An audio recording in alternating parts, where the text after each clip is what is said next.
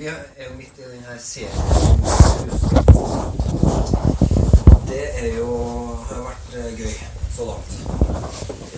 Og noe av det som vi eh, har hatt de her overgangene at eh, vi ser på Guds hus i relasjon til Vi starta med Guds hus i relasjon til Den hellige ånd. Og så forrige gang vi hadde undervisning sånn som det her, så var Terje innom det Eller så ga Terje et dypdykk i forhold til det her med Guds hus i relasjon til Gud som far. Og så skal vi i kveld se på Guds hus i relasjon til Sønnen. Og det her har eh, eh, altså det, Når vi legger det opp på denne måten, så er det veldig enkelt fordi at, eh, at Bibelen eh, på en måte gir eh, Eller ikke på en måte, men, Bibelen fremstiller menigheten sin relevans først og fremst for Gud.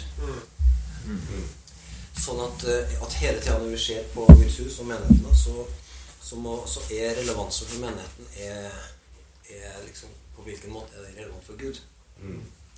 Og det er, er utgangspunktet for denne undervisninga. Og det er det som er hele kjernen da i den eh, bibelske forståelsen av Guds menighet. Det er at den, har en, den er relevant for Gud. Og det er Gud som eh, er opphavet til menigheten. Det er han som er hensikten med menigheten. Og så, eh, og så, og så viser det oss da at, eh, at Guds plan den er på en måte en plan for, for Gud. Det er en far som har en plan for sønnen sin, som han skaper verden han skaper verden for. Og det er Gud som, som realiserer sitt, sitt eget liv gjennom og, og på en måte ikke realisere, men, men eh, leve ut da, og, og fylle jorda med, med uttrykk av sitt eget liv gjennom eh, menigheten sin. Så alt til syvende og sist så handler alt om Gud. Og det er jo veldig befriende å bare oppdage at, eh, at eh, ikke alt handler om oss. Det er altfor tunge ører å legge på noen mennesker som skuldre og vise verden at snurrer rundt noen av oss. Så det er bare takk Gud for det, og slipp det, den byrden. Og alle som tror det, at verden snurrer rundt seg sjøl, de kollapser. Det har historien vist, og det er bare å ta en kikk ut gjennom et eller annet vindu. Der du møter noen som tror verden snurrer rundt seg sjøl, så merker du fort at det blir lite liv og mye press. For å si det sånn. Men når vi da snakker om eh, det her eh, i kveld, så skal vi jo se på Guds hus hvordan den er relevant for Jesus, for Sønnen. Og, og da, når vi snakker om det her eh, huset, så har vi i kveld valgt overskrifta 'En brud for sønn'. Og det er litt sånn interessant, fordi at når Bibelen snakker om det her huset, så, så er hele den her åpenbaringen fra Gud, den roter hele tida sammen. Eller mikser sammen de her ordene. Så, så et sånt eh, vi, skal, vi kommer til å se det mye i kveld at de her begrepene eh, om Guds hus og bruden og sånn er veldig sammenknytta. Eh, eller de, de blir satt veldig i sammenheng med hverandre. Et sånt veldig godt eksempel på det er jo i Skal vi se her om vi får det rett med notater og alt. Mm. Et sånt eh, klassisk eksempel er fra eh, åpenbaringsboka. Og, og da skal vi se her.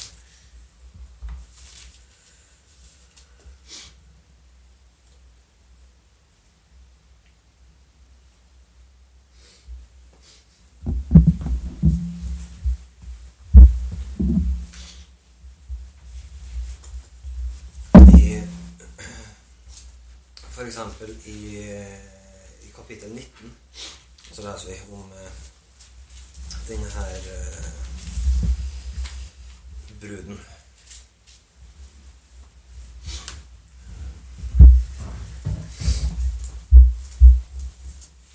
Nei, det var ikke der jeg tenkte. Det er 21 Det er 21, jeg tenkte. 29. Ja, takk skal du ha. Det er fra 21 vers eh, Fra vers eh, 1, tenkte jeg på. Eh, og der, der står det da om eh, Jeg så en ny himmel og en ny jord, for den første himmelen og den første jorda bort, og havet fantes ikke mer. Og jeg så den hellige byen, den nye, nye Jerusalem, stige ned fra himmelen, fra Gud, gjort i stand og pynta som en brud for sin brudgom. Jeg har hørt fra tronen en høy røst som sa, Se Guds bolig hos menneskene, han skal bo hos dem, og de skal være hans folk, og Gud sjøl skal være hos dem. Så her eh, ser du at eh, Johannes, da, han ser eh, Han ser en by. Det nye Jerusalem. Stig ned fra himmelen, gjort til stand og pynta som en brud. Det er en ganske sånn artig måte å snakke på. At du, du ser en by, og den byen er en brud. Ja, det kan jo være litt vanskelig å se for seg, men, men, jeg, tenker, men jeg tenker det må ha vært men Bare det at du, du sier det her er litt vanskelig å se for seg, men det må ha vært noe sånn altså Johannes prøver å sette ord på noen ting her, da. Fordi at hvis du snakker om en by som er pynta som en brud, så er det litt sånn eh, Akkurat det er litt vanskelig å se for seg. Men når han da skulle sette ord på det her, hva var det han så? Jo, han så en by. Den var pynta som en brud. det var liksom det akkurat som han sa Ja, han så en brud. Nei, det var en by. Det var en brud, ja. ja, en veldig fin by. og så Og da og så sier han i vers eh, 9 her, da, så sier han Kom, jeg skal vise deg bruden, lammets hustru. I ånden førte han meg opp et stort og høyt fjell og viste meg den hellige byen, Jerusalem.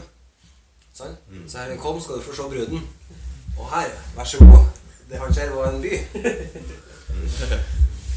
Så det er, så det er sånn eksempel på at det her eh, eller Bibelen er eh, full av eh, billedspråk for å forklare noen sånne mysterier for oss. Og det, men, eh, men så det forteller oss noe om at det her eh, forteller oss noen sånne åndelige sannheter om eh, Guds menighet. Mm. Som er veldig, veldig eh, viktig å legge merke til. Jeg skal ikke bruke så veldig mye mer eh, tid på det her akkurat nå. Men eh, akkurat det her avsnittet her, men, men det er et veldig sånn godt avsnitt som forteller oss det at vi, vi ser eh, Når vi ser eh, Guds plan, ser Guds folk, ser Guds hus, så ser vi på det fra veldig så, sånne ulike vinkler. Og de ulike da, bildene og beskrivelsene som Bibelen bruker, de smelter på mange måter sammen. Og så beskriver de den samme åndelige realiteten. Og det eh, vi de, de to bildene vi skal se spesielt på i dag, er det her med, med bruden og, og kroppen skal vi så vidt innom, som er, og blir veldig nøye vevet sammen. Og eh, i Efeserbrevet så går Paulus inn i å snakke om eh, forholdet mellom Kristus og menigheten.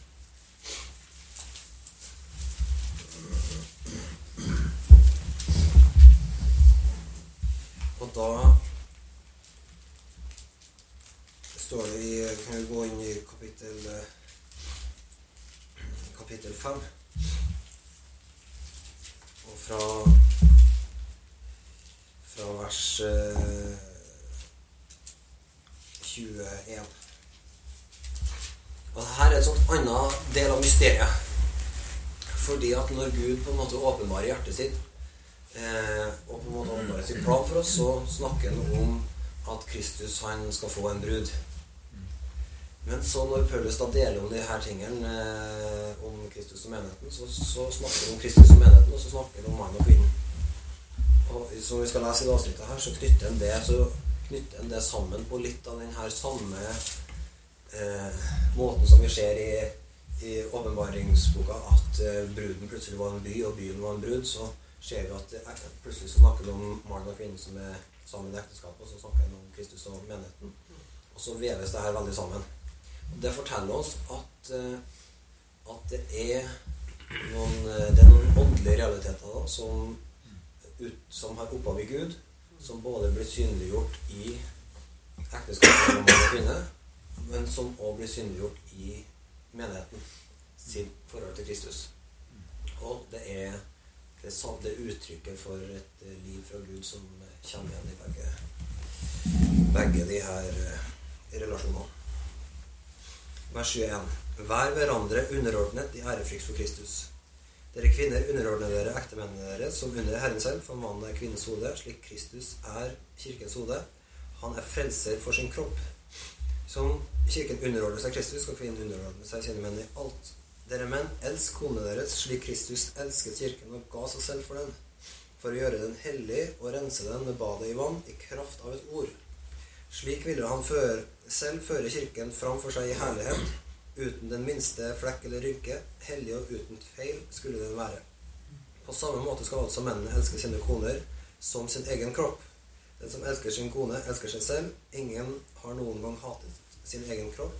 Nei, man gir kroppen næring og pløyer den på samme måte som Kristus gjør med kirken. For vi er lemmer på hans kropp.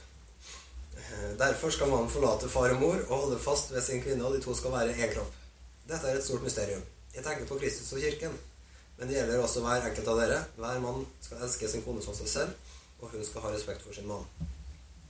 Så her er Paulus midt i den her samme Det er fullstendig kaos når du leser nedover her. Så hver gang du er sikker på at du har fått tak i tråden Ja, nå snakker han om eh, kona og mannen. Nei. Da snakker han om menigheten. Og du er sikker på at nå snakker han om menigheten. Nei. Så snakker han om kona og mannen. Du har den her mm. Ingen har noen gang ja, det er liksom, elsker sin kone, elsker seg sjøl. Ingen har noen gang hata sin egen kropp. Nei, Man gir kroppen næring og pleier den.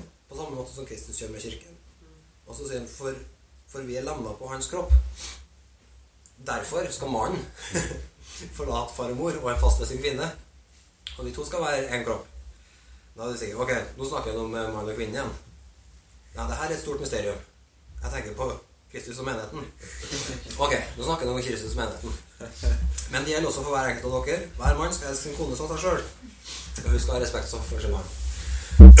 Så her er det tydelig at, at det er et uttrykk mellom mannen og kvinnen som er, er speiler eh, relasjonen mellom Kristus og menigheten på en sånn måte at, eh, at de, de, to relasjonene bare er ja, Det er akkurat som det er nesten noe det helt den samme livet, den samme dynamikken. Mm, mm, mm.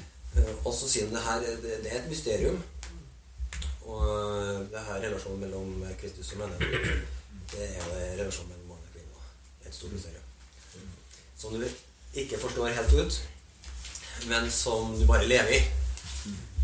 Og Sånn er det med, med Kristus òg. Du forstår aldri Jesus fullt ut, men du lever i en relasjon til ham som gjør at du er overgitt. Men men det forteller oss òg at når vi ser på Guds alt det Gud sier om ekteskap og forholdet mellom mann og kvinne, så forteller oss det grunnleggende noe om forholdet mellom eh, Kristus og menigheten.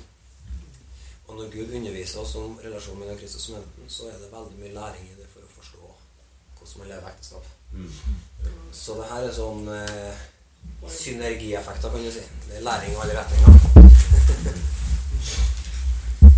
så og, så hvis vi, vi skal mer inn i det her avsnittet, men hvis vi går sammen til, til første Mosebok og kapittel to, så finner vi det første den første sønnen som får sin brud.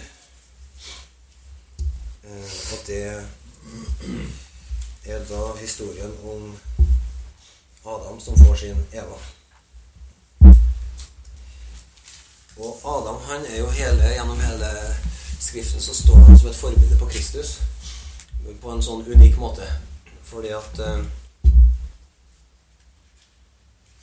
Adam han er omtalt som, uh, som Guds sønn. Det betyr han er han er uten en menneskelig far mm. eller mor. Han, uh, han er rett fra skaperhånda. Og Kristus han er òg uten en menneskelig far. Så han er òg en, i høyeste grad en Guds sønn. Han er først og fremst sønn. Men Adam han er omtalt som en Guds sønn. Og det eh, som vi da ser i når, når Adam og Eva her blir skapt, det, forteller oss veldig mye om Guds plan. Fordi at Adam har en sånn Han står som et forbilde på Kristus. Og, og han, skapelsen av Adam og Eva er et sånt eh, På samme måte som ekteskapet hele veien er et profetisk uttrykk på Kristus og menigheten, så er skapelsen en sånn profetisk fortelling om relasjonen mellom Kristus og menigheten. Og, og da skjer det at eh, at uh, i kapittel 2 og vers 18 Her er Her er Adam allerede skapt. Og så har Gud gitt Adam det her oppdraget om, å, om hagen og hva han skal gjøre. Og så står det i vers 18 Da sa Herren Gud det er ikke godt for mennesker å være alene. Jeg vil lage en hjelper av samme slag. Herren Gud forma alle dyr på marken og alle fugler under himmelen av jord. Han førte dem til mennesket for å se hva, han vil, hva det ville kalle dem. Det som mennesket kalte hver levende skapning, det fikk den til navn. Mennesket ga navn til alt feet og til himmelens fugler og til alle villmarkens dyr. Men til seg sjøl fant mennesket ingen hjelper av samme slag. Da lot Herren Gud en dyp søvn komme over mannen. Mens han sov, tok han et ribben og fylte igjen med kjøtt. Og av ribbenet Herren Gud hadde tatt fra mannen, bygde han en kvinne, og han førte henne til mannen. Da sa mannen, nå er det bein av mine bein og kjøtt av mitt kjøtt. Hun skal kalles kvinne, for av mannen er hun tatt. Derfor skal mannen forlate sin far og sin mor og holde fast ved sin kvinne, og de to skal være én kropp. Mm. Så her her eh, er det veldig mange sånne interessante ting som kaster litt sånn profetisk lys over alt det Gud gjør med Kristus og menigheten. Og som, eh, som vi trenger å legge merke til når vi, når vi skal forstå Guds plan. Mm. Det første da, som vi ser her, det er at eh, Herren Gud sier det er ikke godt for mennesker for mannen å være alene. Jeg vil lage en hjelper av samme slag. Så det forteller oss det da, at bruden hun er menn i forhold til Kristus og hver en hjelper som er hans like. Ok? Og når vi da snakker om en hjelper, så forstår vi det at da har Kristus et oppdrag. Fordi at, eh, at sånn som Adam hadde fått et oppdrag, som var oppdraget for alle mennesker, så ble da Eva plassert inn i Adams side for at de to sammen skulle løse det her oppdraget. Mm. Og sånn er det da med, med menigheten. Og Kristus kom først. Det var ikke menigheten som kom først, var Kristus. Og han uh, var utsatt med et oppdrag. Og han eh, fikk eh, da denne menigheten med sin side for at hun skulle ta del i oppdraget med han. Og Det er litt sånn viktig når vi snakker om en brud, tror jeg. Fordi at veldig ofte når vi snakker om en brud, så snakker vi om sånne Så ser vi for oss den her eh, bryllupsdagen med, med kjole og blomster og liksom taler og sang. Men eh, det første som vi ser her, er at det, det, en, det å være en brud og det har en hensikt. Mm. Og hensikten er ikke for bruden for å være til for seg sjøl, men det er for å ta del i det oppdraget som Gud har gitt. Mm. Sammen med sønnen. Så menigheten sitt oppdrag er å ta del i sønnen sitt oppdrag. Mm. Det er det som er hensikten. Sønnen var der først, og så ble du skapt for at sønnen skulle få ta oss med inn i det store oppdraget som Gud har gitt mm. Det er fantastisk. Og da eh, Jeg hadde en utrolig festlig samtale for noen år siden tilbake. Jeg satt og prata med en venn fra meg fra, fra Iran. Og han sa Han var singel, da. Og så sier han, sier han ja. Hvordan er det? Har du, har du lyst til å få deg kone, da? Ja, det veldig lyst til. Hva, hva er drømmedama? Så, så, da nøler han ikke. Så sa Nå, jeg skal ha kone. Jeg skal finne kone fra Sunnmøre. Da hadde han vært i Sunnmøre og truffet noen sånne koner fra Sunnmøre. De bare jobber fra morgen til kveld. Jobber bare vann, plukker stein. Og arbeide, arbeide, arbeide, arbeide, arbeide. Og lage mat. Og når kvelden er det bare sitte og flire. Bare sitte og flire og slappe av. Stor, sterk sunnmøring. Det var liksom hele overskrifta. Så tenkte jeg ja, amen. Det er bruden, vet du. Bruden, den er, er der for å gjøre et arbeid. Du må ha en brud som kan brukes. Og Kristus han, han ser etter en sånn uh, brud som som arbeider, arbeider, arbeider hele dagen. Om kvelden bare vil sitte og flire. Og det er faktisk vel begrunna i Skriften, da. Fordi at hvis du ser i åpenbaringa kapittel 19 mm. Nei, nå skal nå kanskje jeg tøyse. Nei, jeg tøyser ikke. Det var et langt hopp. Ja. Bare Se her. Så står det i vers eh, 6. Da var det som jeg hørte lyden av en stor skare, et brus av veldige vannmasser og et drønn av mektige tordenbrak. De ropte Halleluja, for Herren vår Gud, den allmektige, er blitt konge. La oss glede oss og juble og gi Han æren. For tiden for lammets bryllup er kommet, hans brud har gjort seg i stand, og hun har fått en drakt av skinnende rent lin. Linet er de helliges rettferdige gjerninger.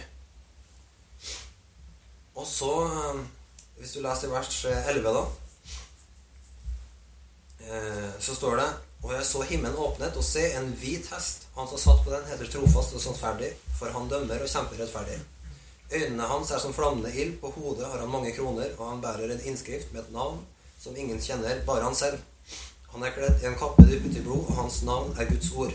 Himmelens herskarer, kledd i hvitt og rent lin, følger han på hvite hester. Ut av munnen hans går et skarpt sverd, osv., osv. Så her ser vi to sånne visjoner av bruden som Johannes ser. Først så ser han bruden kledd i hvitt og rent liv. Og det er en sånn innbydelse til bryllupsfest. Og så det neste bildet da, som han ser, det er at Kristus eh, rir ut i kampen, og så følger bruden etter. Fortsatt kledd i hvitt og i bryllupsstasen. Men, eh, men på en måte bildet er skifta. Med en gang så er det Her var det en forening av Kristus og brud, med en gang så er det ut, ut for å seire.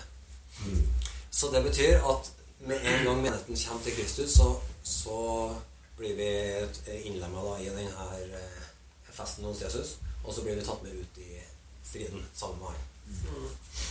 Så vi forstår det å være en brud, det har en hensikt. Det er å være sunnmøring. Arbeide. Aldri å flire. Jobbe og flire, ja.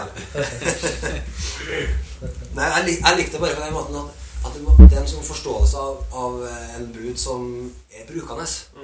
Den må kunne brukes til noen ting. Den er ikke til pynt. Det, og det, det er en åpenbaring som veldig mange menn trenger å skjønne når de finner seg en brud. Men Kristus han har skjønt det. Og min venn fra Iran han har skjønt det. Eh, vers 21 i Første Mosebok 2. Da lot Herren en dyp søvn komme over mannen, og mens han sov, tok han et ribben og fylte igjen med kjøtt. Av ribbenet Herren Gud hadde tatt fra mannen, bygde han en kvinne, og han førte henne til mannen. Da sa mannen, nå er det bein av mine bein og kjøtt av mitt kjøtt, hun skal kalles kvinne, for mannen er jo tatt. Og så, så ser vi her da at, eh, at hele skapelsen av Eva er en sånn profetisk fortelling om, eh, om Kristus og menigheten.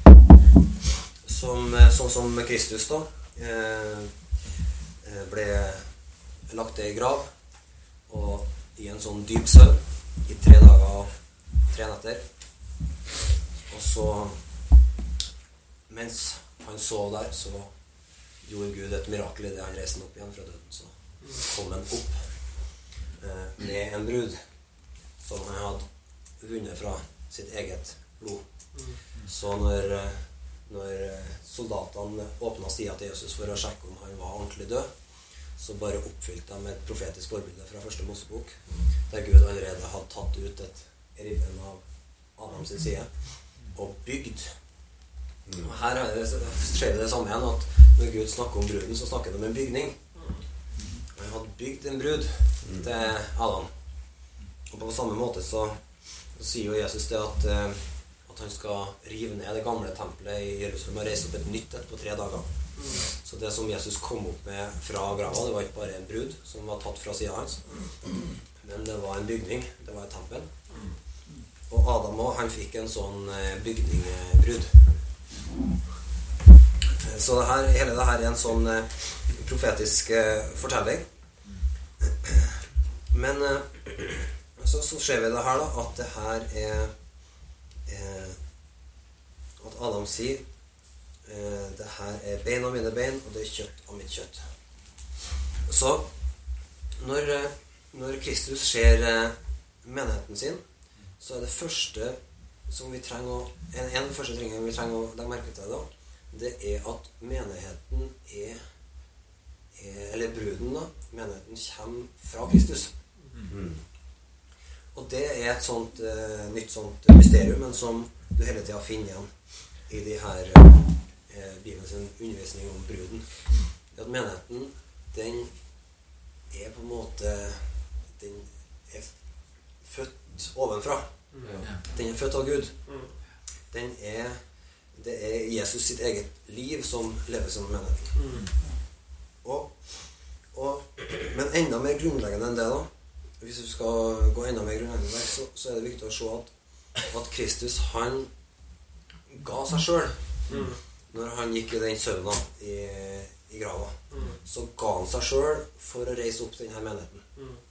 Og det og Hvis vi da går til Efeserbrevet 5, så ser vi at det er en sånn eh, grunnleggende forståelse av at eh, at eh, eh, I vers 25 der står det dere menn, elsk kone deres Kristus elsket kirken og ga seg selv for den, for å gjøre den hellige og rense den med badet i, vann i kraft av et ord. Slik ville han føre kirken framfor seg i herlighet, uten den minste flekk eller rynke, hellig og uten feil skulle den være. Så Så hvis vi skal ta en liten det, det første vi ser, det er at bruden er skapt for å ta del i Kristus sitt oppdrag.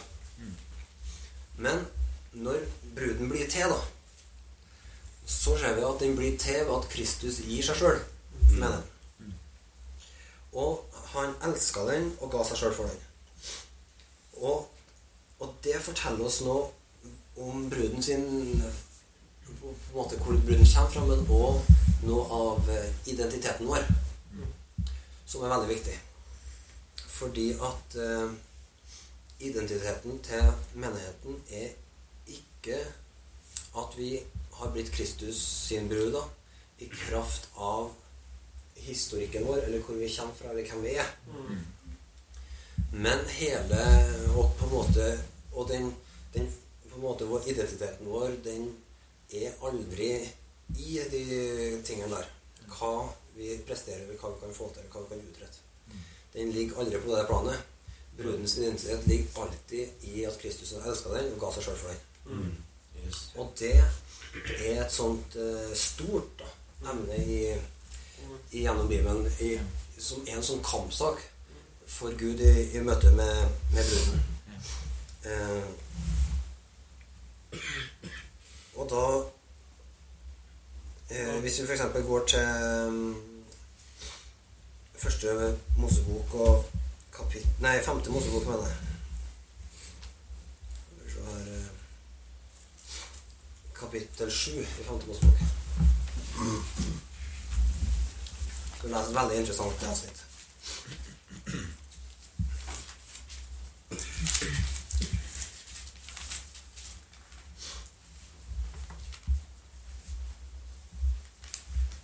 Fra vers 7 til 8. Når Herren hadde godhet for dere og valgte dere ut, var det ikke fordi dere var større enn alle andre folk, for dere er det minste av alle folkene, men fordi Herren elsket dere og ville holde eden han hadde sverget for deres fedre, førte Herren dere ut med sterk hånd. Han fridde deg ut fra slavehuset, fra farao, egypterkongens hånd. Og så snakker han da om Guds, at Gud han er en trofast Gud som holder pakt og viser kjærlighet. Så, så Guds beskjed da til israelsfolket når de var kommet ut av Egypt og blitt et folk og skulle inn i landet som de skulle innta, så var det en veldig viktig ting å legge merke til. Det at dere er ikke folket mitt fordi dere var måte et sånn stort og flott folk. Det var ikke derfor jeg valgte deg ut. Det var veldig enkelt fordi jeg er den jeg er. Fordi Herren elska dere. Ja. Det er begrunnelsen. Og fordi Gud er en paktsgud, fordi han holdt løftet. Mm. Så på grunn av Guds kjærlighet, på grunn av Guds trofasthet, så er vi Guds folk. Ikke fordi at vi var større enn noen andre folk, ikke fordi at vi hadde noe mer i oss enn noen andre mennesker, men hele grunnen til at vi får kalles Guds folk, det er Guds kjærlighet. Ja. Gud. Og det er hele Det er på en måte eh, Den bevisstheten om en identitet i at vi er Guds folk. Vi har fått verdighet til å være, kalles Guds barn. Vi har fått verdighet til å være en brud for Kristus. Den hviler hele tida på Guds kjærlighet, på Guds løfte, på Guds trofasthet. Og det er en sånn eh, eh, På en måte en sånn Å, å være hele tida fornya i bevisstheten om det er så avgjørende. Mm. Esekiel kapittel um, Det er bra han har juks- jukselapp. Mm, veldig bra. Esekiel kapittel eh, 16.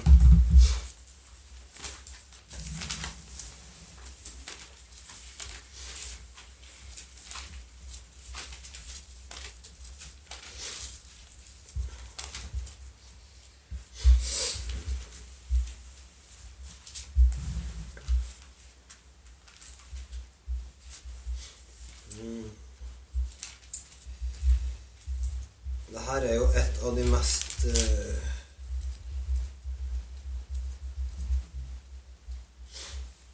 maleriske profetiske avsnittene i hele, i hele Bibelen.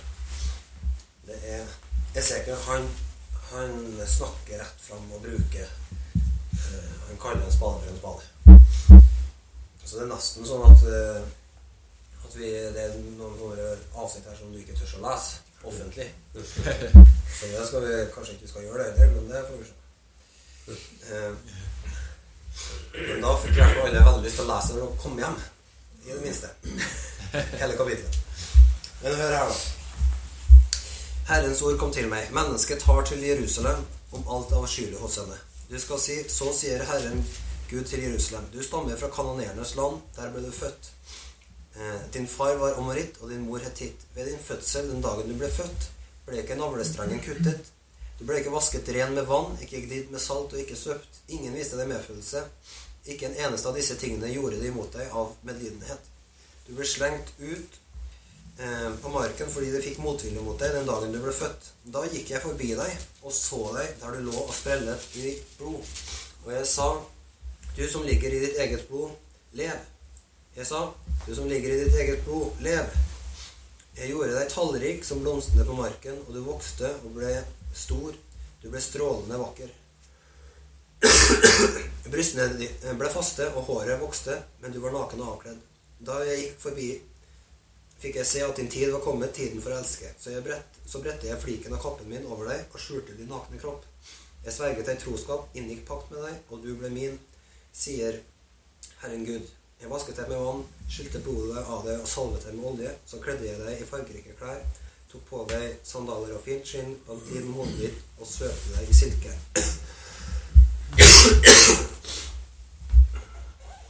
Jeg pyntet deg med smykker, ga deg armbånd rundt hånden og kjede om halsen. Jeg ga deg nesering og øreringer og en vakker krone på hodet. Så pyntet du deg med gull og sølv og kledde deg i lin, silke og fargerike øh, klær. Du fikk fint mer honning og olje til mat. Du ble strålende vakker. Du var verdig til å være dronning. Det gikk rykter blant folkene om din skjønnhet, for den ble fullendt av den prakten jeg ga deg, sier Herren Gud. Så her snakker jo Gud om Jerusalem som by, og hvordan den på en måte ble født og løfta opp og gitt en plass og sånn. Men, men det, er, det, det forteller oss nå det samme bildet om, om Guds initiativ. Da. Det er Gud som suverent elsker menigheten sin. Det er han som renser den, og som kler den i sin herlighet. Og gir den verdighet sånn at eh, den blir kledd i, i, i, i, fine klær og smykker og salver og greier. Og alt det her taler jo på ulike måter om, om det verket som Gud gjør via oss, i oss en ny fødsel. Og så og så står det at du ble strålende vakker, du var verdig til å være dronning, og det gikk et rykte blant folkene om din skjønnhet, for den ble fullendt av den prakten jeg, jeg ga deg, sier Herren Gud. Så hele historien til bruden, det er å være uten verdighet og ligge hjelpeløs, og så kommer eh, kongenes konge forbi, skaperen av universet, og så ser han at her ligger den hjelpeløse, blodige, overlatt til å dø eh, forslått, skada. Og så kommer han og sier 'lev'. Bli levende. Og så tar det en liv.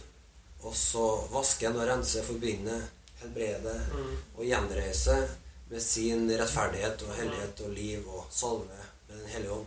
Og reise opp og si 'Her er min brud'. Og hele veien så er det Guds initiativ, Mm. og det er Guds ressurser. Og det er identiteten er Du har dronningverdighet ikke fordi du har en stolt historikk, men fordi jeg har elska deg, utvalgt deg og gitt deg verdighet. Amen. Og det er den forståelsen av Guds nåde da, er så grunnleggende i forhold til å være et folk for Gud. Ja. Det er på en måte hele livsnerven. Du er den du er fordi Gud har elska deg. Yes. Du er den du er fordi Gud har gitt deg verdighet. Og hele, hvis vi ser livene våre så i lys av denne sannheten, og ser oss sjøl som mennesker i lys av denne sannheten, så forstår vi det at for, forstår vi, For det første så lever vi i en ydmykhet foran Gud. Men så forstår vi òg det at eh, at det å være At Gud identifiserer seg med oss, da, det innebærer ny identitet og ny verdighet. Ja. Og bruden sin verdighet ligger hele tida i å leve ut av en forståelse av at den er elska av Gud. Ja. Det er menigheten sin, sin velsignelse, sin lodd, sitt kall. Hele, hele menigheten sin på en måte det, det står og faller på om vi blir et folk for Gud. Det er om vi forstår eh, det her veldig enkle at min verdighet hviler på at Gud er kongenes konge og har min verdighet. Min identitet hviler på at Gud er kongenes konge.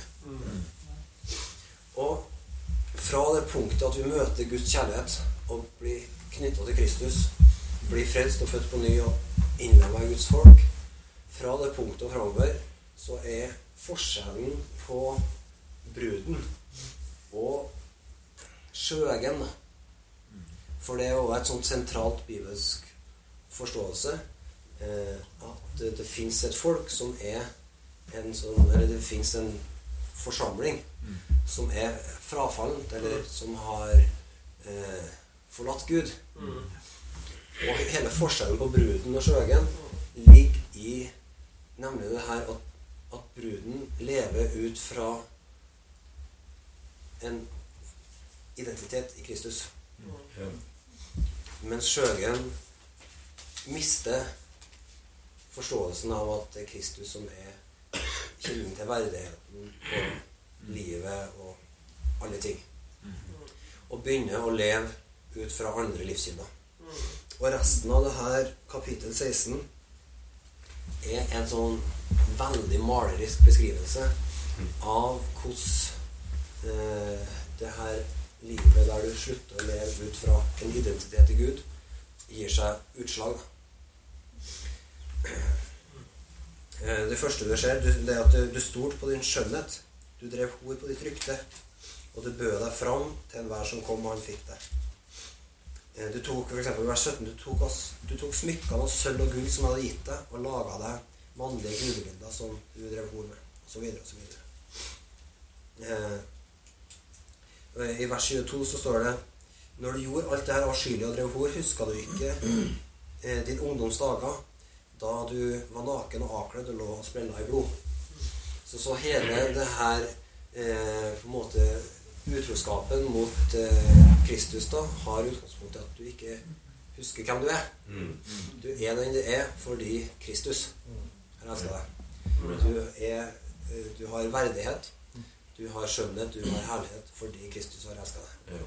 Og den åpenbaringa er på en måte grunnlag for å leve i en eh, vedvarende relasjon til Gud. Eh, og i en sånn der Guds liv flyter fritt. Og, og noe av det som er veldig interessant her, da, det er at Blant annet så begynner da i, i denne avgudsdyrkelsen som du leser om i, i, i israelsfolket, og den åndelige historien der, så er, så er det så mange ting som skjer. Men det som hele tida skjer, eh, som er et sånn gjennomgående tema, det er at i møte med verden og det at folket mister sin identitet til Gud og troskapen mot Gud, så begynner de da å selge alt det Gud har gitt dem. Mm. Det er et sånt Sånn som jeg sier, det er et sånt kjennetegn på all avgudsdyrkelse eller all menneskefrykt. Alt ønske om å bli stor i verden istedenfor å leve i en identitet fra Gud og være en ydmyk kjenner for Gud. Eh, Så, så begynner man med en gang å selge alt det kostbare og dyrebare som Gud har gitt. Mm. Gud hadde gitt smykker av gull, og de begynte å gi det fra seg. Eh, Du ser det her når, eh, når kongene i Israel falt fra Gud, så begynte de å bryte av gullet i tempelet. Og sende, sende, det unna til de her kongene. Med, og ba om fred. Mm. De tok gullet som var via til Herren, brøt det av og sendte det til, fremmede konger og ba om fred. Ja. Når det er det stikk motsatte i forhold til å leve i en identitet der Gud er i den Kristus og identiteten vår og kilden til alle ting, og i troskap og tro hos Han, der du vet at du, det Gud har gitt meg, eller det, det som er hellig, og det Gud har betrodd oss, det gir vi ikke slipp på. Da heller dør vi. Eller mister vi alt enn å gi slipp på det Gud har gitt oss. Og så, begynner, så går de fra det, fra å leve i trosmål og vite at vi, så lenge vi lever i pakta med Gud, så gir Gud oss alt vi trenger. Så begynner de å leve i en sånn forståelse av at, eh, at du begynner å leve i frykt. Og, i, og skal begynne å tilfredsstille da, alle forventninger og krav rundt seg. Og så begynner de å selge unna alt det Gud har gitt. Mm. Og det er på en måte det første steget på veien nedover i en sånn nedadgående spiral. Det er når Guds folk begynner å selge unna det som er dyrebart for Gud, for å bli likt av verden. Mm. Sant? Mm. Når Guds folk begynner å selge sannheten i Guds ord for at du skal få bli likt i verden, da vet du at her er det første steget på veien inn i et frafall. Som hele Bibelen. Bibelen advarer mot frafall. Og det å være brud, det å ha identitet til Jesus og ydmykt vite at du er satt til å kjenne hans plan, og at skjønnheten din, det er det Gud har gitt deg. Og det er dyrebart å ta, ta vare på. Og da lever du i Guds herlighet og lever i Guds skjønnhet. Og ryktet om din skjønnhet den sprer seg utover jorda. Mm. Men idet bruden begynner å leve i frykt, eller i, i stolthet, eller i en sånn eh, ønske om å bli lik alle andre, som du finner at eh, var noe av hovedmotivasjonen til, til bak frafallet. Vi ønsker å være Vi vil være som de andre folkene. Vi vil ha en konge som de andre folkene. Vi vil ha de samme Vi vil dyrke de samme gudene, avgudene som de andre folkene, og så videre. Så, som en gang så mister du Så er du ut av på en måte livsstrømmen for Gud. Ja. Identitet er så viktig for bruden. Og en brud som hele tida Eller vi trenger som Guds folk hele tida å bli forfriska i en forståelse av at vi er hvem vi er, hvorfor vi er den vi er, og leve ut av en åpenbaring av Jesus. Og en frisk opplevelse av Han, sånn at vi med høyest hode lever ut Guds ord. Amen. Frimodig leve ut evangeliet i alle formål. Eh, For meg er det f.eks. helt uforståelig at, at uh, Du kan ta så mange eksempler, men ta f.eks.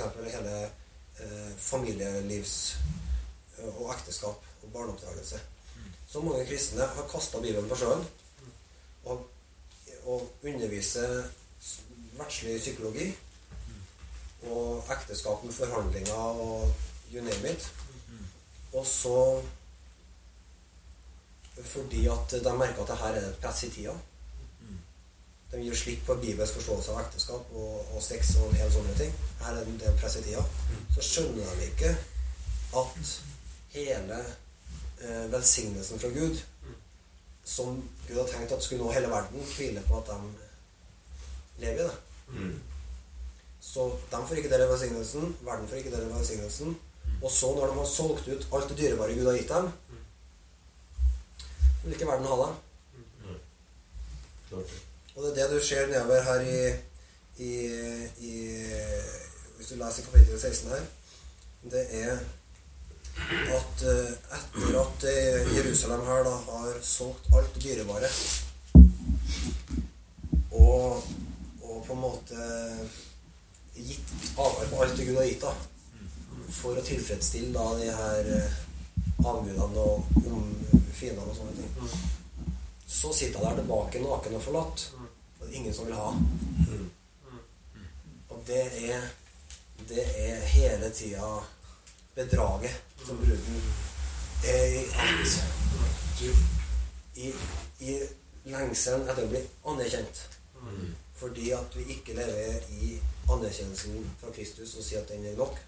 Men lengselen etter å finne anerkjennelse alle andre plasser. Så gir vi avkall på alt det som er dyrebart. Eh, og så til slutt vil ingen ha det. Så sitter vi der tilbake, ribba for all herligheten fra Gud. Og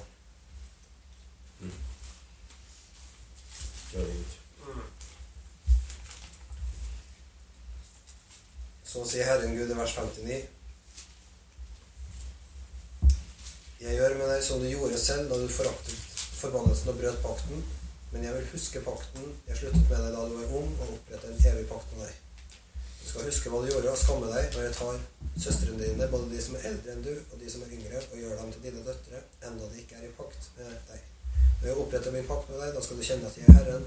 Så skal du huske det og skamme deg. Du skal aldri mer åpne munnen av skam, når jeg tilgir deg alt du har gjort, sier Herren Gud. Mm. Så Gud, han eh, tillater at folk blir ydmyka for å la dem få bli vendt. Men jeg har bare en sånn utrolig drøm om å se et folk som frimodig lever ut av at hvis Jesus har elska meg, hvis han har tilgitt meg, hvis han har kledd meg i verdighet, så skal jeg frimodig leve ut verdigheten min som Kristi brud. Amen. Og derfra. Og å leve med løfta hode i alle Guds sannheter. Ikke gi etter for eh, på en måte presset fra menneskefrykt osv. på å selge alt det dyrebare Gud har gitt oss, for å bli likeverdig. Men å leve ut en sånn, et formodig Jesusliv uten frykt, og vite at om det medfører sånn og sånn og sånn og sånn, så vil det i hvert fall medføre at eh, Jesus kan fylle eh, bruden med sin herlighet og uttrykke sitt liv og sin skjønnhet og sin verdighet og storhet. Eh, Så det er på en måte loddet til bruden. Det er å være elska av Kristus og være eh, møte motstand i verden. Mm. Men oppleve seier og fremgang og eh, herlighet så videre. Eh. Så, så det var Skal vi ta en pause? Ja. Eh, på ti minutter. Det var folk igjen. Så hvis vi sier det at vi Bruden lever ved å ha identiteten sin i Kristus. Fra Efeserbrevet 2 så står det Dere var en gang døde på grunn av deres misgjerninger på grunn av misgjerningene og syndene deres. Dere levde i dem på den nåværende verdens vis og lot dere lede av herskeren i himmelrommet, ånd som nå er virksom i de ulydige. Ja, vi levde alle en gang som de. Vi fulgte lystne i vårt eget kjøtt og blod og lot oss lede av det og av våre egne tanker. Vi var av naturen vredens vi som de andre. Men Gud er rik på barmhjertighet. Fordi han elsket oss med så stor en kjærlighet, gjorde han oss levende med Kristus, vi som var døde på grunn av våre misgjerninger. Av nåde er dere frelst. I Kristus Jesus har han reist oss opp fra døden sammen med han, og satt oss i himmelen med han. Slik ville han i de kommende tider vise hvor overstrømmende rik han er på nåde, og hvor god han er mot oss i Kristus Jesus. For av nåde er det frelst ved tro. Det er ikke deres eget verk, men Guds gave. Det hviler ikke på gjerninger, for at ingen skal skryte av seg selv. For vi er Hans verk, skapt i Kristus Jesus til gode gjerninger, som Gud på forhånd har lagt ferdige for at vi skulle vandre i dem. Så det her eh, Efeser-brevet det oppsummerer jo noe av alt det Eller det her avsnittet i kapittel 2 i FEC-brevet oppsummerer mye av det som vi har sagt til nå, at eh, det er ikke av eh, vår fortreffelige historie, fordi vi var noe annet enn andre mennesker, og sånne ting, men ved Guds kjærlighet og nåde, som Han eh, har gitt oss i Kristus. Og, og her igjen så finner vi at eh, han tok oss fra vi var styrt av våre egne lyster og levde i synd og styrt og manipulert av den onde, til å bli reist opp. Det er ikke bare sånn at vi blir tilgitt, men han tar det mye lenger. Det er en full gjenreisning. Han reiste oss opp med Kristus fra døden. Og ikke bare liksom opp av grava, men han reiste oss opp og satte oss i det himmelske med han. Så det gjorde han da for at han skulle vise sin overstrømmende rike nåde og kunne velsigne oss og, og alt det her. Og så, så reiser han oss opp fra døden, gir oss et nytt liv, eh, øser sin nåde utover oss og legger ferdig gjerninga som vi skal gå inn i. Så hele hensikten her er at vi er Hans verk, skapt i Kristus til gode gjerninger. Så det handler altså om at vi er reist opp gitt en verdighet en herlighet og fylt med Guds ånd for å ta del i det oppdraget som Kristus var satt inn i. Vi får del i hans oppdrag. Så, eh, så det var vi innom i første delen her. Eh, men, men nå som, eh, som i tillegg til det som går på identitet, det som går på oppdrag, så er det noe som går som en veldig klar linje i fortellinga om bruden, og det er at bruden lever ved Kristi liv. Mm. Sånn som vi leste fra første Mosebok, at Adam sa det her er kjøtt av mitt kjøtt og blod av mitt blod. Eh, Han sa det her er det her har kommet fra meg. Mm. Og det, det er Kristus, når han ser menigheten sin, så ser han noe som har Det er hans eget liv som har blitt, eh, som har blitt født ved. Det er et nytt liv. Det er Kristi eget liv. Det er Kristi kjøtt og blod. Eh, vi kan nesten ikke snakke om bruden uten å være innom høysangen. Så da må vi gjøre det. I Høysangen kapittel 2 skal vi ta med oss ett vers der, bare for å, å tilfredsstille den her eh, Hva heter det Den, den gode skrifttradisjonen. Eller eh, gjør det. Så du kan liksom ikke snakke om bruden uten høysangen. Det var poenget. Hør her. Det ble mange bryllup for sør. Ja, det er, det.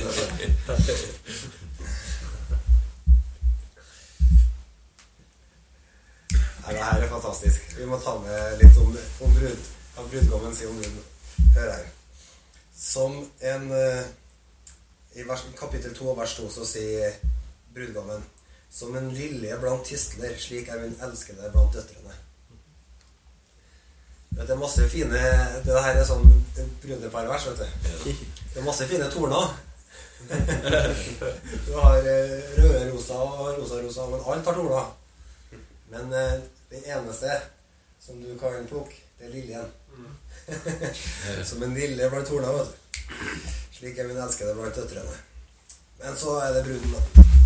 Hør hva hun sier om brudgommen. Det her er sant om Kristus, og så er det et nøkkelvers for enhver ungkar og en, eh, et ideal for enhver ektemann. Det er som et epletre blant trærne i skogen. Slik er min kjæreste er Slik er kjæresten min blant sønnene. Mm. Tenk på det. Du er ute og går en tur i skogen, og det er masse Du har furu, og du har gran, og du har bjørk, og du har eik. Der var et epletre. Og så står det da Jeg nyt å sitte i hans skygge, hans frukt er søt for ganen. Epletrær det er annerledes enn alle de andre trærne, for de er fulle av frukt. Så når eh, en brud ser på brudgommen sin, så ser hun et tre som er fullt av frukt. Så det er sånt ungkarvers, vet du. Alle ungkarer må merke seg det verste. Her er ikke så mange av dem, men eh, hvis dere treffer noen ungkarer, så minn dem på det her verset. Skal du få deg en brud, så må det være et epletre. Og hvis ikke hun opplever at det å være rundt deg er som å være rundt et epletre, da får du ikke bruden. og alle ektemenn må leve i det. Du er et epletre. Du må kaste av deg. Vær en velsignelse. Og da er det to ting vet du, som du finner igjen. eh, Det er at eh, det er en beskyttelse. Bruden liker å sitte i skyggen. Og det er en forfriskning. Det er næring. Og som det står i Efeserbrevet 5, da, det er å nære og varme. Det beskytter og nære. Så enhver ektemann han er ved Guds nåde et sånt eh, tre som er en kilde. Og vi har funnet Kristus fordi blant alle guder er det bare én gud. Blant alle konger er det bare én konge, og ingen er som vår konge. Han er som et epletre blant de andre trærne. Så vi kom til Kristus og smakte at han var god. Og vi kom til han og fant ut at her er det forfriskning, her er det liv, her er det vern. Og så fant vi inn Aha, det er han som er Kristus. Det er han som er Guds Messias, han som er Guds konge. Eh, men det forteller oss da noe om eh, forholdet mellom eh, mellom Kristus og bruden hans. Kristus, han ser bruden sin. Hun skiller seg ut. Og han er lidenskapelig opptatt av det. Og bruden, hun ser Kristus og lever i hans skygge, i hans forfriskning. Det er veldig bra. Så vi går tilbake til Efeserbrevet 5.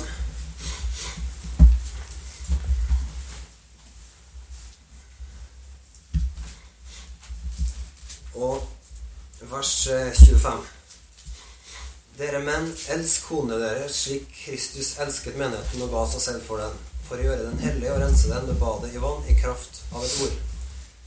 Slik ville han føre menigheten framfor seg i herlighet, uten den minste flekk eller rynke. Hellig og uten feil skulle den være. På samme måte skal altså mennene elske sine koner som sin egen kropp. Den som elsker sin kone, elsker seg selv. Ingen har noen gang hatet sin egen kropp. Nei, man gir kroppen næring og pleier den på samme måte som Kristus gjør med menigheten. For vi er lemmer på hans kropp. Derfor skal mannen forlate far og mor og holde fast ved sin kvinne, og de to skal være ett, en kropp. Dette er et stort mysterium. Vi tenker på Kristus og menigheten. Så her, eh, her snakker han da om at Kristus han elska menigheten og ga seg sjøl for det. Og så står det at han, eh, han har forhold til menigheten på, på en sånn måte at det er hans kropp. Og han gir næring og pleier den, og elsker den. Og så eh, finner vi det at, eh, at med en gang du snakker om en kropp, så er det noen ting som er veldig, som henger veldig nøye sammen. Eh, og, og sånn er det da med, med Kristus og menigheten at den er, vi er veldig nøye. altså På samme måte som Kristus har valgt å identifisere seg med oss på sitt eget frie initiativ, så er det sånn at vi er identifisert med Kristus. Det betyr at du kjenner Kristus gjennom kroppen hans. Og en del kristne har liksom eh, latt seg på en sånn vane å forkynne evangeliet. Så sier de ikke, du må ikke se på meg, du må se på Jesus. Du må ikke se på menigheten, du må se på Jesus. Nettopp fordi at menigheten har eh, eh, feila på så mange områder. Og Jesus han er perfekt. Men det er ikke en god måte å snakke på. Da bryter vi med en grunnle veldig grunnleggende åndelig sannhet. Og det er det at Kristus, han har en kropp som er menigheten. Og den er Det uttrykker en sånn identifisering som går begge veiene. På en sånn måte at, eh, at uh, livet vi lever, det formidler Jesus sitt liv inn i verden. Og Jesus han er lidenskapelig opptatt av de livene vi lever, fordi at det er hans uh, ære og herlighet. Mm. Det er hans uh, egen presentasjon. Det er hans liv som blir synliggjort i verden. Og det har Gud da ikke overlatt til tilfeldighetene når Kristus skal presentere seg sjøl i verden. Men han har gjort det på sitt eget fantastiske måte gjennom frelsesverket. Så når, når vi da ser denne bruden som blir frelst ut og kjøpt fri, så skjer det en sånn frikjøping som er, er en sånn eh, Som bringer med seg nytt og nytt åndelig liv for Gud. Mm. Eh, vi var, sånn som vi leste tidligere i Efeserbrevet, vi var i våre synder osv. Vi var formørka i tankene våre.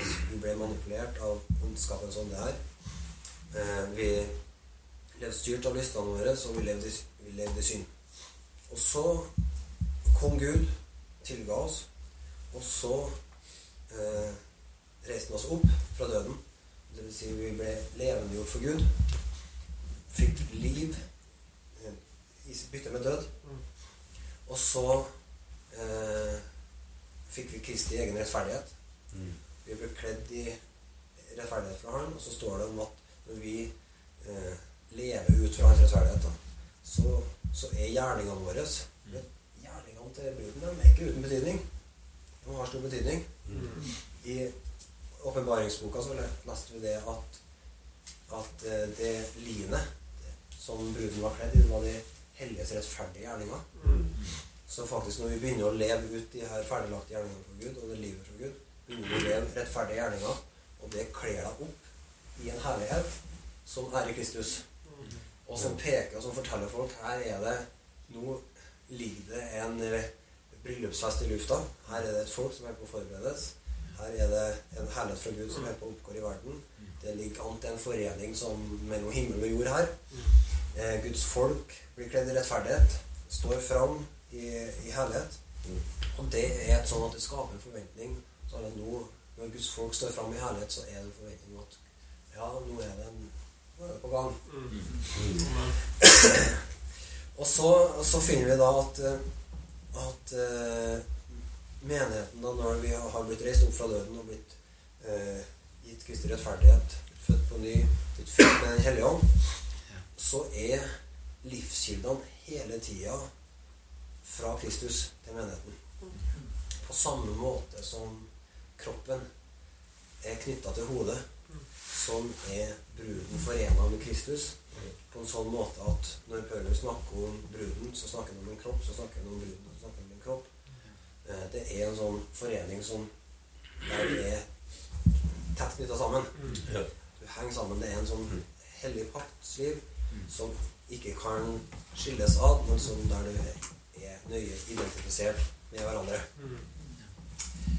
Det er et litt sånn apropos i forhold til ekteskap òg. Ikke prøv å late som ekteskap er to forskjellige personer. Mm. Det er noe mye mer enn det. Ekteskap en forening som gjør at to blir ett. Og som betyr at uh, din herlighet måles i ektefellen din sitt sin herlighet. Mm. Ja. Sant. Din ære vises i om ektefellen din har det godt. Mm. Det er så enkelt. Det, du kan ikke skille det fra hverandre. Nei. Eh, Det er et sånt paktsliv. Men så bruden lever hele tida næra, sånn som den kroppen da er kobla på hodet, så lever bruden næra ved Kristus. Og har hele tida livet sitt oppafra. Og kildene sine opp fra, fra Kristus. Mm.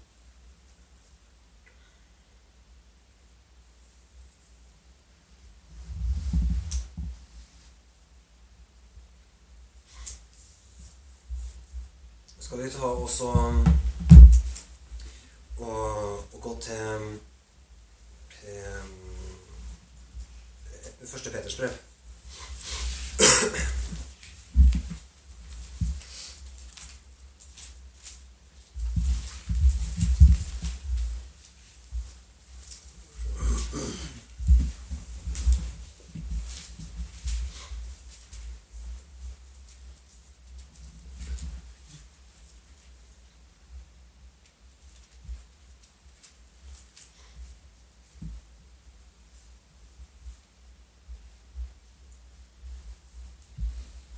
Det er, vi kan lese sammen fra vers 18.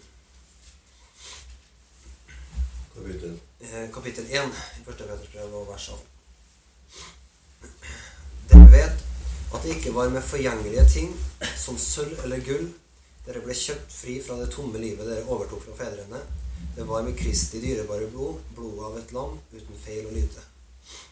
Han var bestemt til dette før verdens grunnvoll er lagt. Og for deres skyld er han blitt åpenbart nå ved tidenes ende. Ved ham er dere kommet til tro på Gud, som reiste Kristus opp fra de døde og ga han herlighet. Derfor er deres tro også håp til Gud. Ved å lyde sannheten har dere renset sjelen, så dere kan leve i oppriktig søskenkjærlighet. Elsk hverandre inderlig av et rent hjerte, for dere er født på ny, ikke av forgjengelig sæd, men av uforgjengelig, ved Guds levende ord, som er og blir. For alle mennesker er som gress, og all deres prakt som blomsten i gresset. Gresset visner, og blomsten faller av, men Herrens ord varer til evig tid. Dette ordet er evangeliet som er forkynt for dere.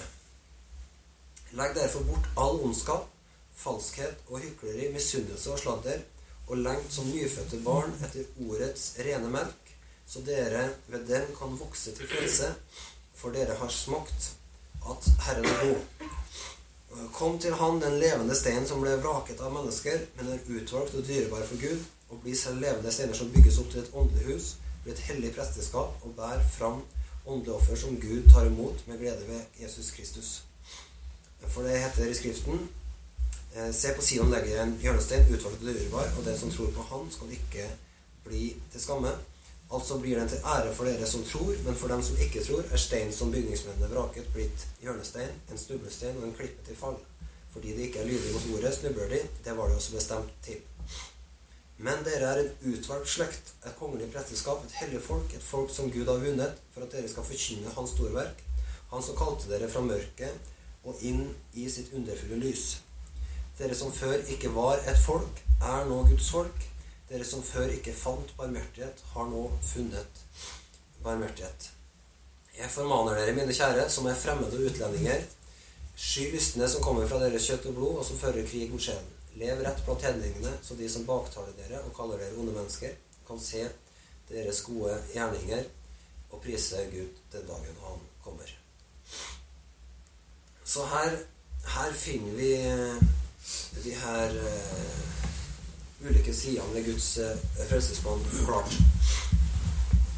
Og det, og det som vi finner her, da, om at uh, først så er det et folk som Kristus som vi leser her, som er kjøpt fri fra det tomme livet. Så de overtok fra fedrene. Så han eh, snakker da om et, eh, et folk som er frikjøpt. Eh, og så står det da at eh, det her folket da det er født på ny. Og så, først så er det et folk som er frikjøpt til å være Guds eiendomsfolk. Og så snakker han om en ny fødsel. Eh, Så det betyr at, eh, at eh, for det første så er vi frikjøpt, og så er vi født på ny. Og det her nye fødselen skjedde ved at Guds ord kom til oss.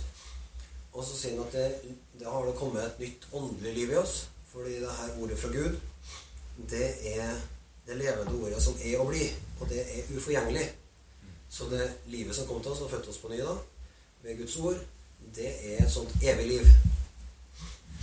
Og så sier han da at eh, det her Så han går videre da, og sier at eh, som nyfødte barn da, så lengter vi etter det her ordet sin melk for at vi skal vokse ved det. Så det her ordet som fødte oss på ny, det er det samme ordet som vi lever ved, og som vi vokser ved, og som vi eh, modnes med. Da. Og, og, og det er et sånt livsprinsipp da for oss, fordi at vi har smakt at Gud er god. Mm. Så han sier først et folk som er frikjøpt, et folk som er født på ny, Guds barn, som lever med Guds ord, vekst til modenhet.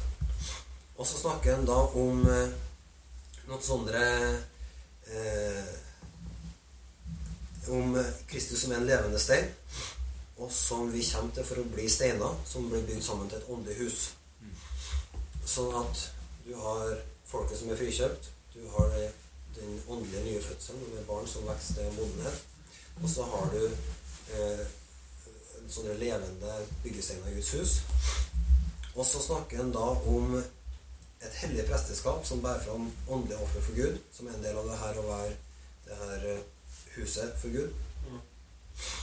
Og så snakker han om det her, den her hjørnesteinen som er Kristus. da. Eh, Og så fra vers eh, 9 så snakker han om en utvalgt slekt og et kongelig presteskap som Gud har vunnet for at vi skal forkynne hans storverk. Så vi har en eh, Guds folk har en sånn funksjon da, i oppdraget som Gud har gitt oss, i å være med og, og proklamere og demonstrere og forkynne Guds storverk inn i verden. For Gud har kalt oss fra mørket og inn i sitt underfulle lys. Og så ser vi da at, eh, at eh, alt det her har da en eh, hensikt i verden for at folk skal kunne prise Gud den dagen han kommer tilbake. Så Gud har en sånn stor frelsesplan der vi både finner at det er Guds eh, frikjøpningsverk, da, som handler om identiteten vår, og så finner vi at det er en sånt eh, livslinje fra Gud Mm. som handler om å være en Guds familie, eller en kropp fra Gud, der vi lever ved eh, Kristus som ordet, og nærer oss ved ham. Og så finner vi at det er et sånt oppdrag der vi er satt til å være med og proklamere hans storhet og, og forkynne lys i mørket og osv. for at mennesker kan prise Gud på hans dag. Så, så de her tre sidene da ved, ved, ved det å være Kristi brud, da, i å ha en identitet i Kristus, ha livskildene sine hos han, og det å være satt inn i et oppdrag sammen med han, det er på en måte det definerer noe av hele den forståelsen av å være Jesus sin, eh, Jesus sin brud. Amen. Eh, Og så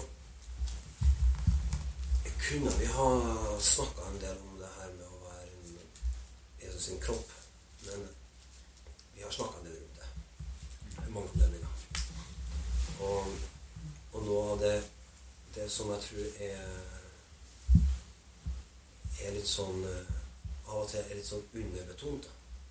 Men altså når vi snakker om Jesus sin kropp, så snakker vi om, om eh, at vi er sagt til å fungere sammen.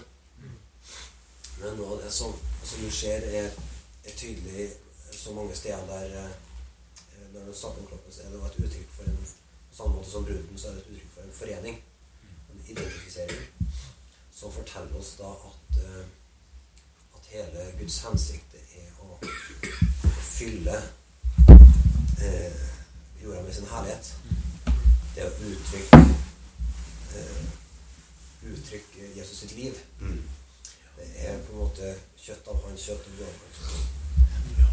Så det forteller oss noe om at eh, at, eh, at vi har et oppdrag som eh, ikke handler om at vi på en måte skal ta oss av dette, men det handler om at Gud fyller oss med sitt liv for å synliggjøre sin egen herlighet da, i verden. Så det jeg har lurt på Hadde vi Kanskje når vi snakker om at Jesus synliggjør seg sjøl og sin herlighet Hvordan eh, Så er jo det en veldig sånn eh, En ting som er lett å si amen og ja til. Men hvis vi skal prøve å sette litt mer praktiske ord på det For nå har vi slått fast at vi er kalt til å være Jesu brud. Vi er kalt til å leve på hans identitet og ut av hans kilder og fremdeles hans oppdrag. Men kan vi si noe mer om hva det innebærer? Enda mer eh, sånn jordnært og praktisk.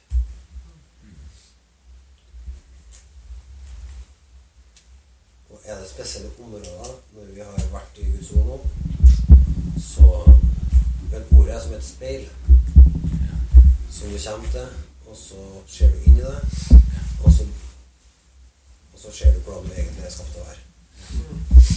Et sånt uh, a magic mirror. Jeg tenker for at det er ting hos eh, Som du sier, at ekteskap er pakt. Ikke bare mot en en verdslig ting som to stykker har eh, funnet på. Så eh, uansett om man kan oppleves urettferdig eller noe sånt altså, Hvis Kristus er idealet altså, Mm. eh, tåler ganske mye av oss og døde for oss for det. Og vi er i hvert fall menn og skal på en måte ikke på, en måte vi skal vise samme holdning til Mm. Mm. Det er ganske heftig. Ja. ja. Det er hele den eh, Altså det som er så grensesprengende i Kristus sin paktkjærlighet til menigheten, det er den ubetinga kjærligheten. Og det er samme når du leser hele Guds paktshistorie, det er at Gud er på oversida i paktsforståelsen. Det å leve inn i ekteskap uten uh, krav, men med, med ubetinga kjærlighet, det er det er, det er familierevolusjon. Stort. Og det, det som skjer der i Efesbrevet, er utrolig interessant. Fordi at eh, hvis, du, hvis det er noe at nekter man folk til å elske bruden sin sånn at han på samme måte som Kristus ga seg sjøl for, så betyr det at eh, at eh, da, da har du på en måte Da er du ferdig med hele kravsida.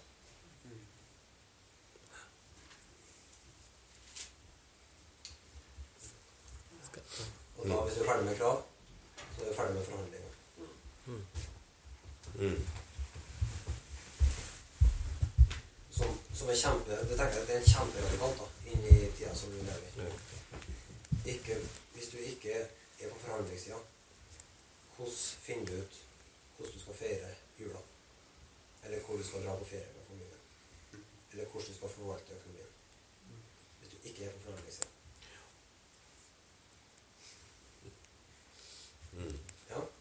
Og det, jeg tror det er det, er det, den utfordringa ligger i, i det å være ekteskap som uttrykker Kristus. Det er å leve ubetinget kjærlighet. Det betyr at du er ferdig med krav. Det betyr at du har ingen forhandlingsspor. Mm. Og det er så Jeg så et oppgjør med mitt eget eh, Med Håvard. Med det korset i mitt eget liv. For at det der merker jeg kan være Det er så lett å ha korset alle andre plasser enn i ekteskapet. Sant?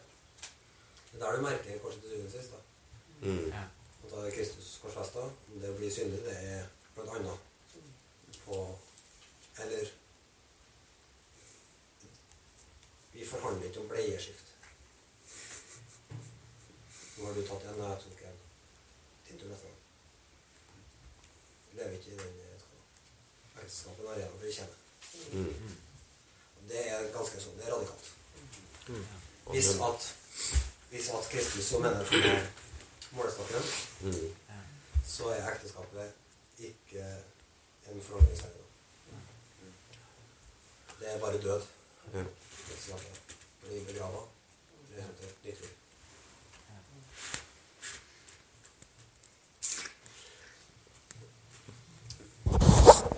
Det mot alt psykologi som du lærer i samfunnet. Når det er ekteskap, samlivsrelasjoner, vil du få forandringspsykologi over en lav Det sliter folk ut, og det ødelegges. Det er flere eksempler der altså, Bleieskifte er én ting, men Ja Hvis at jeg ikke har krav Lever ut paktsliv, så betyr det at jeg gir meg over til Katrine. Med min, min paktsarena. Eh, og da betyr det at jeg gir meg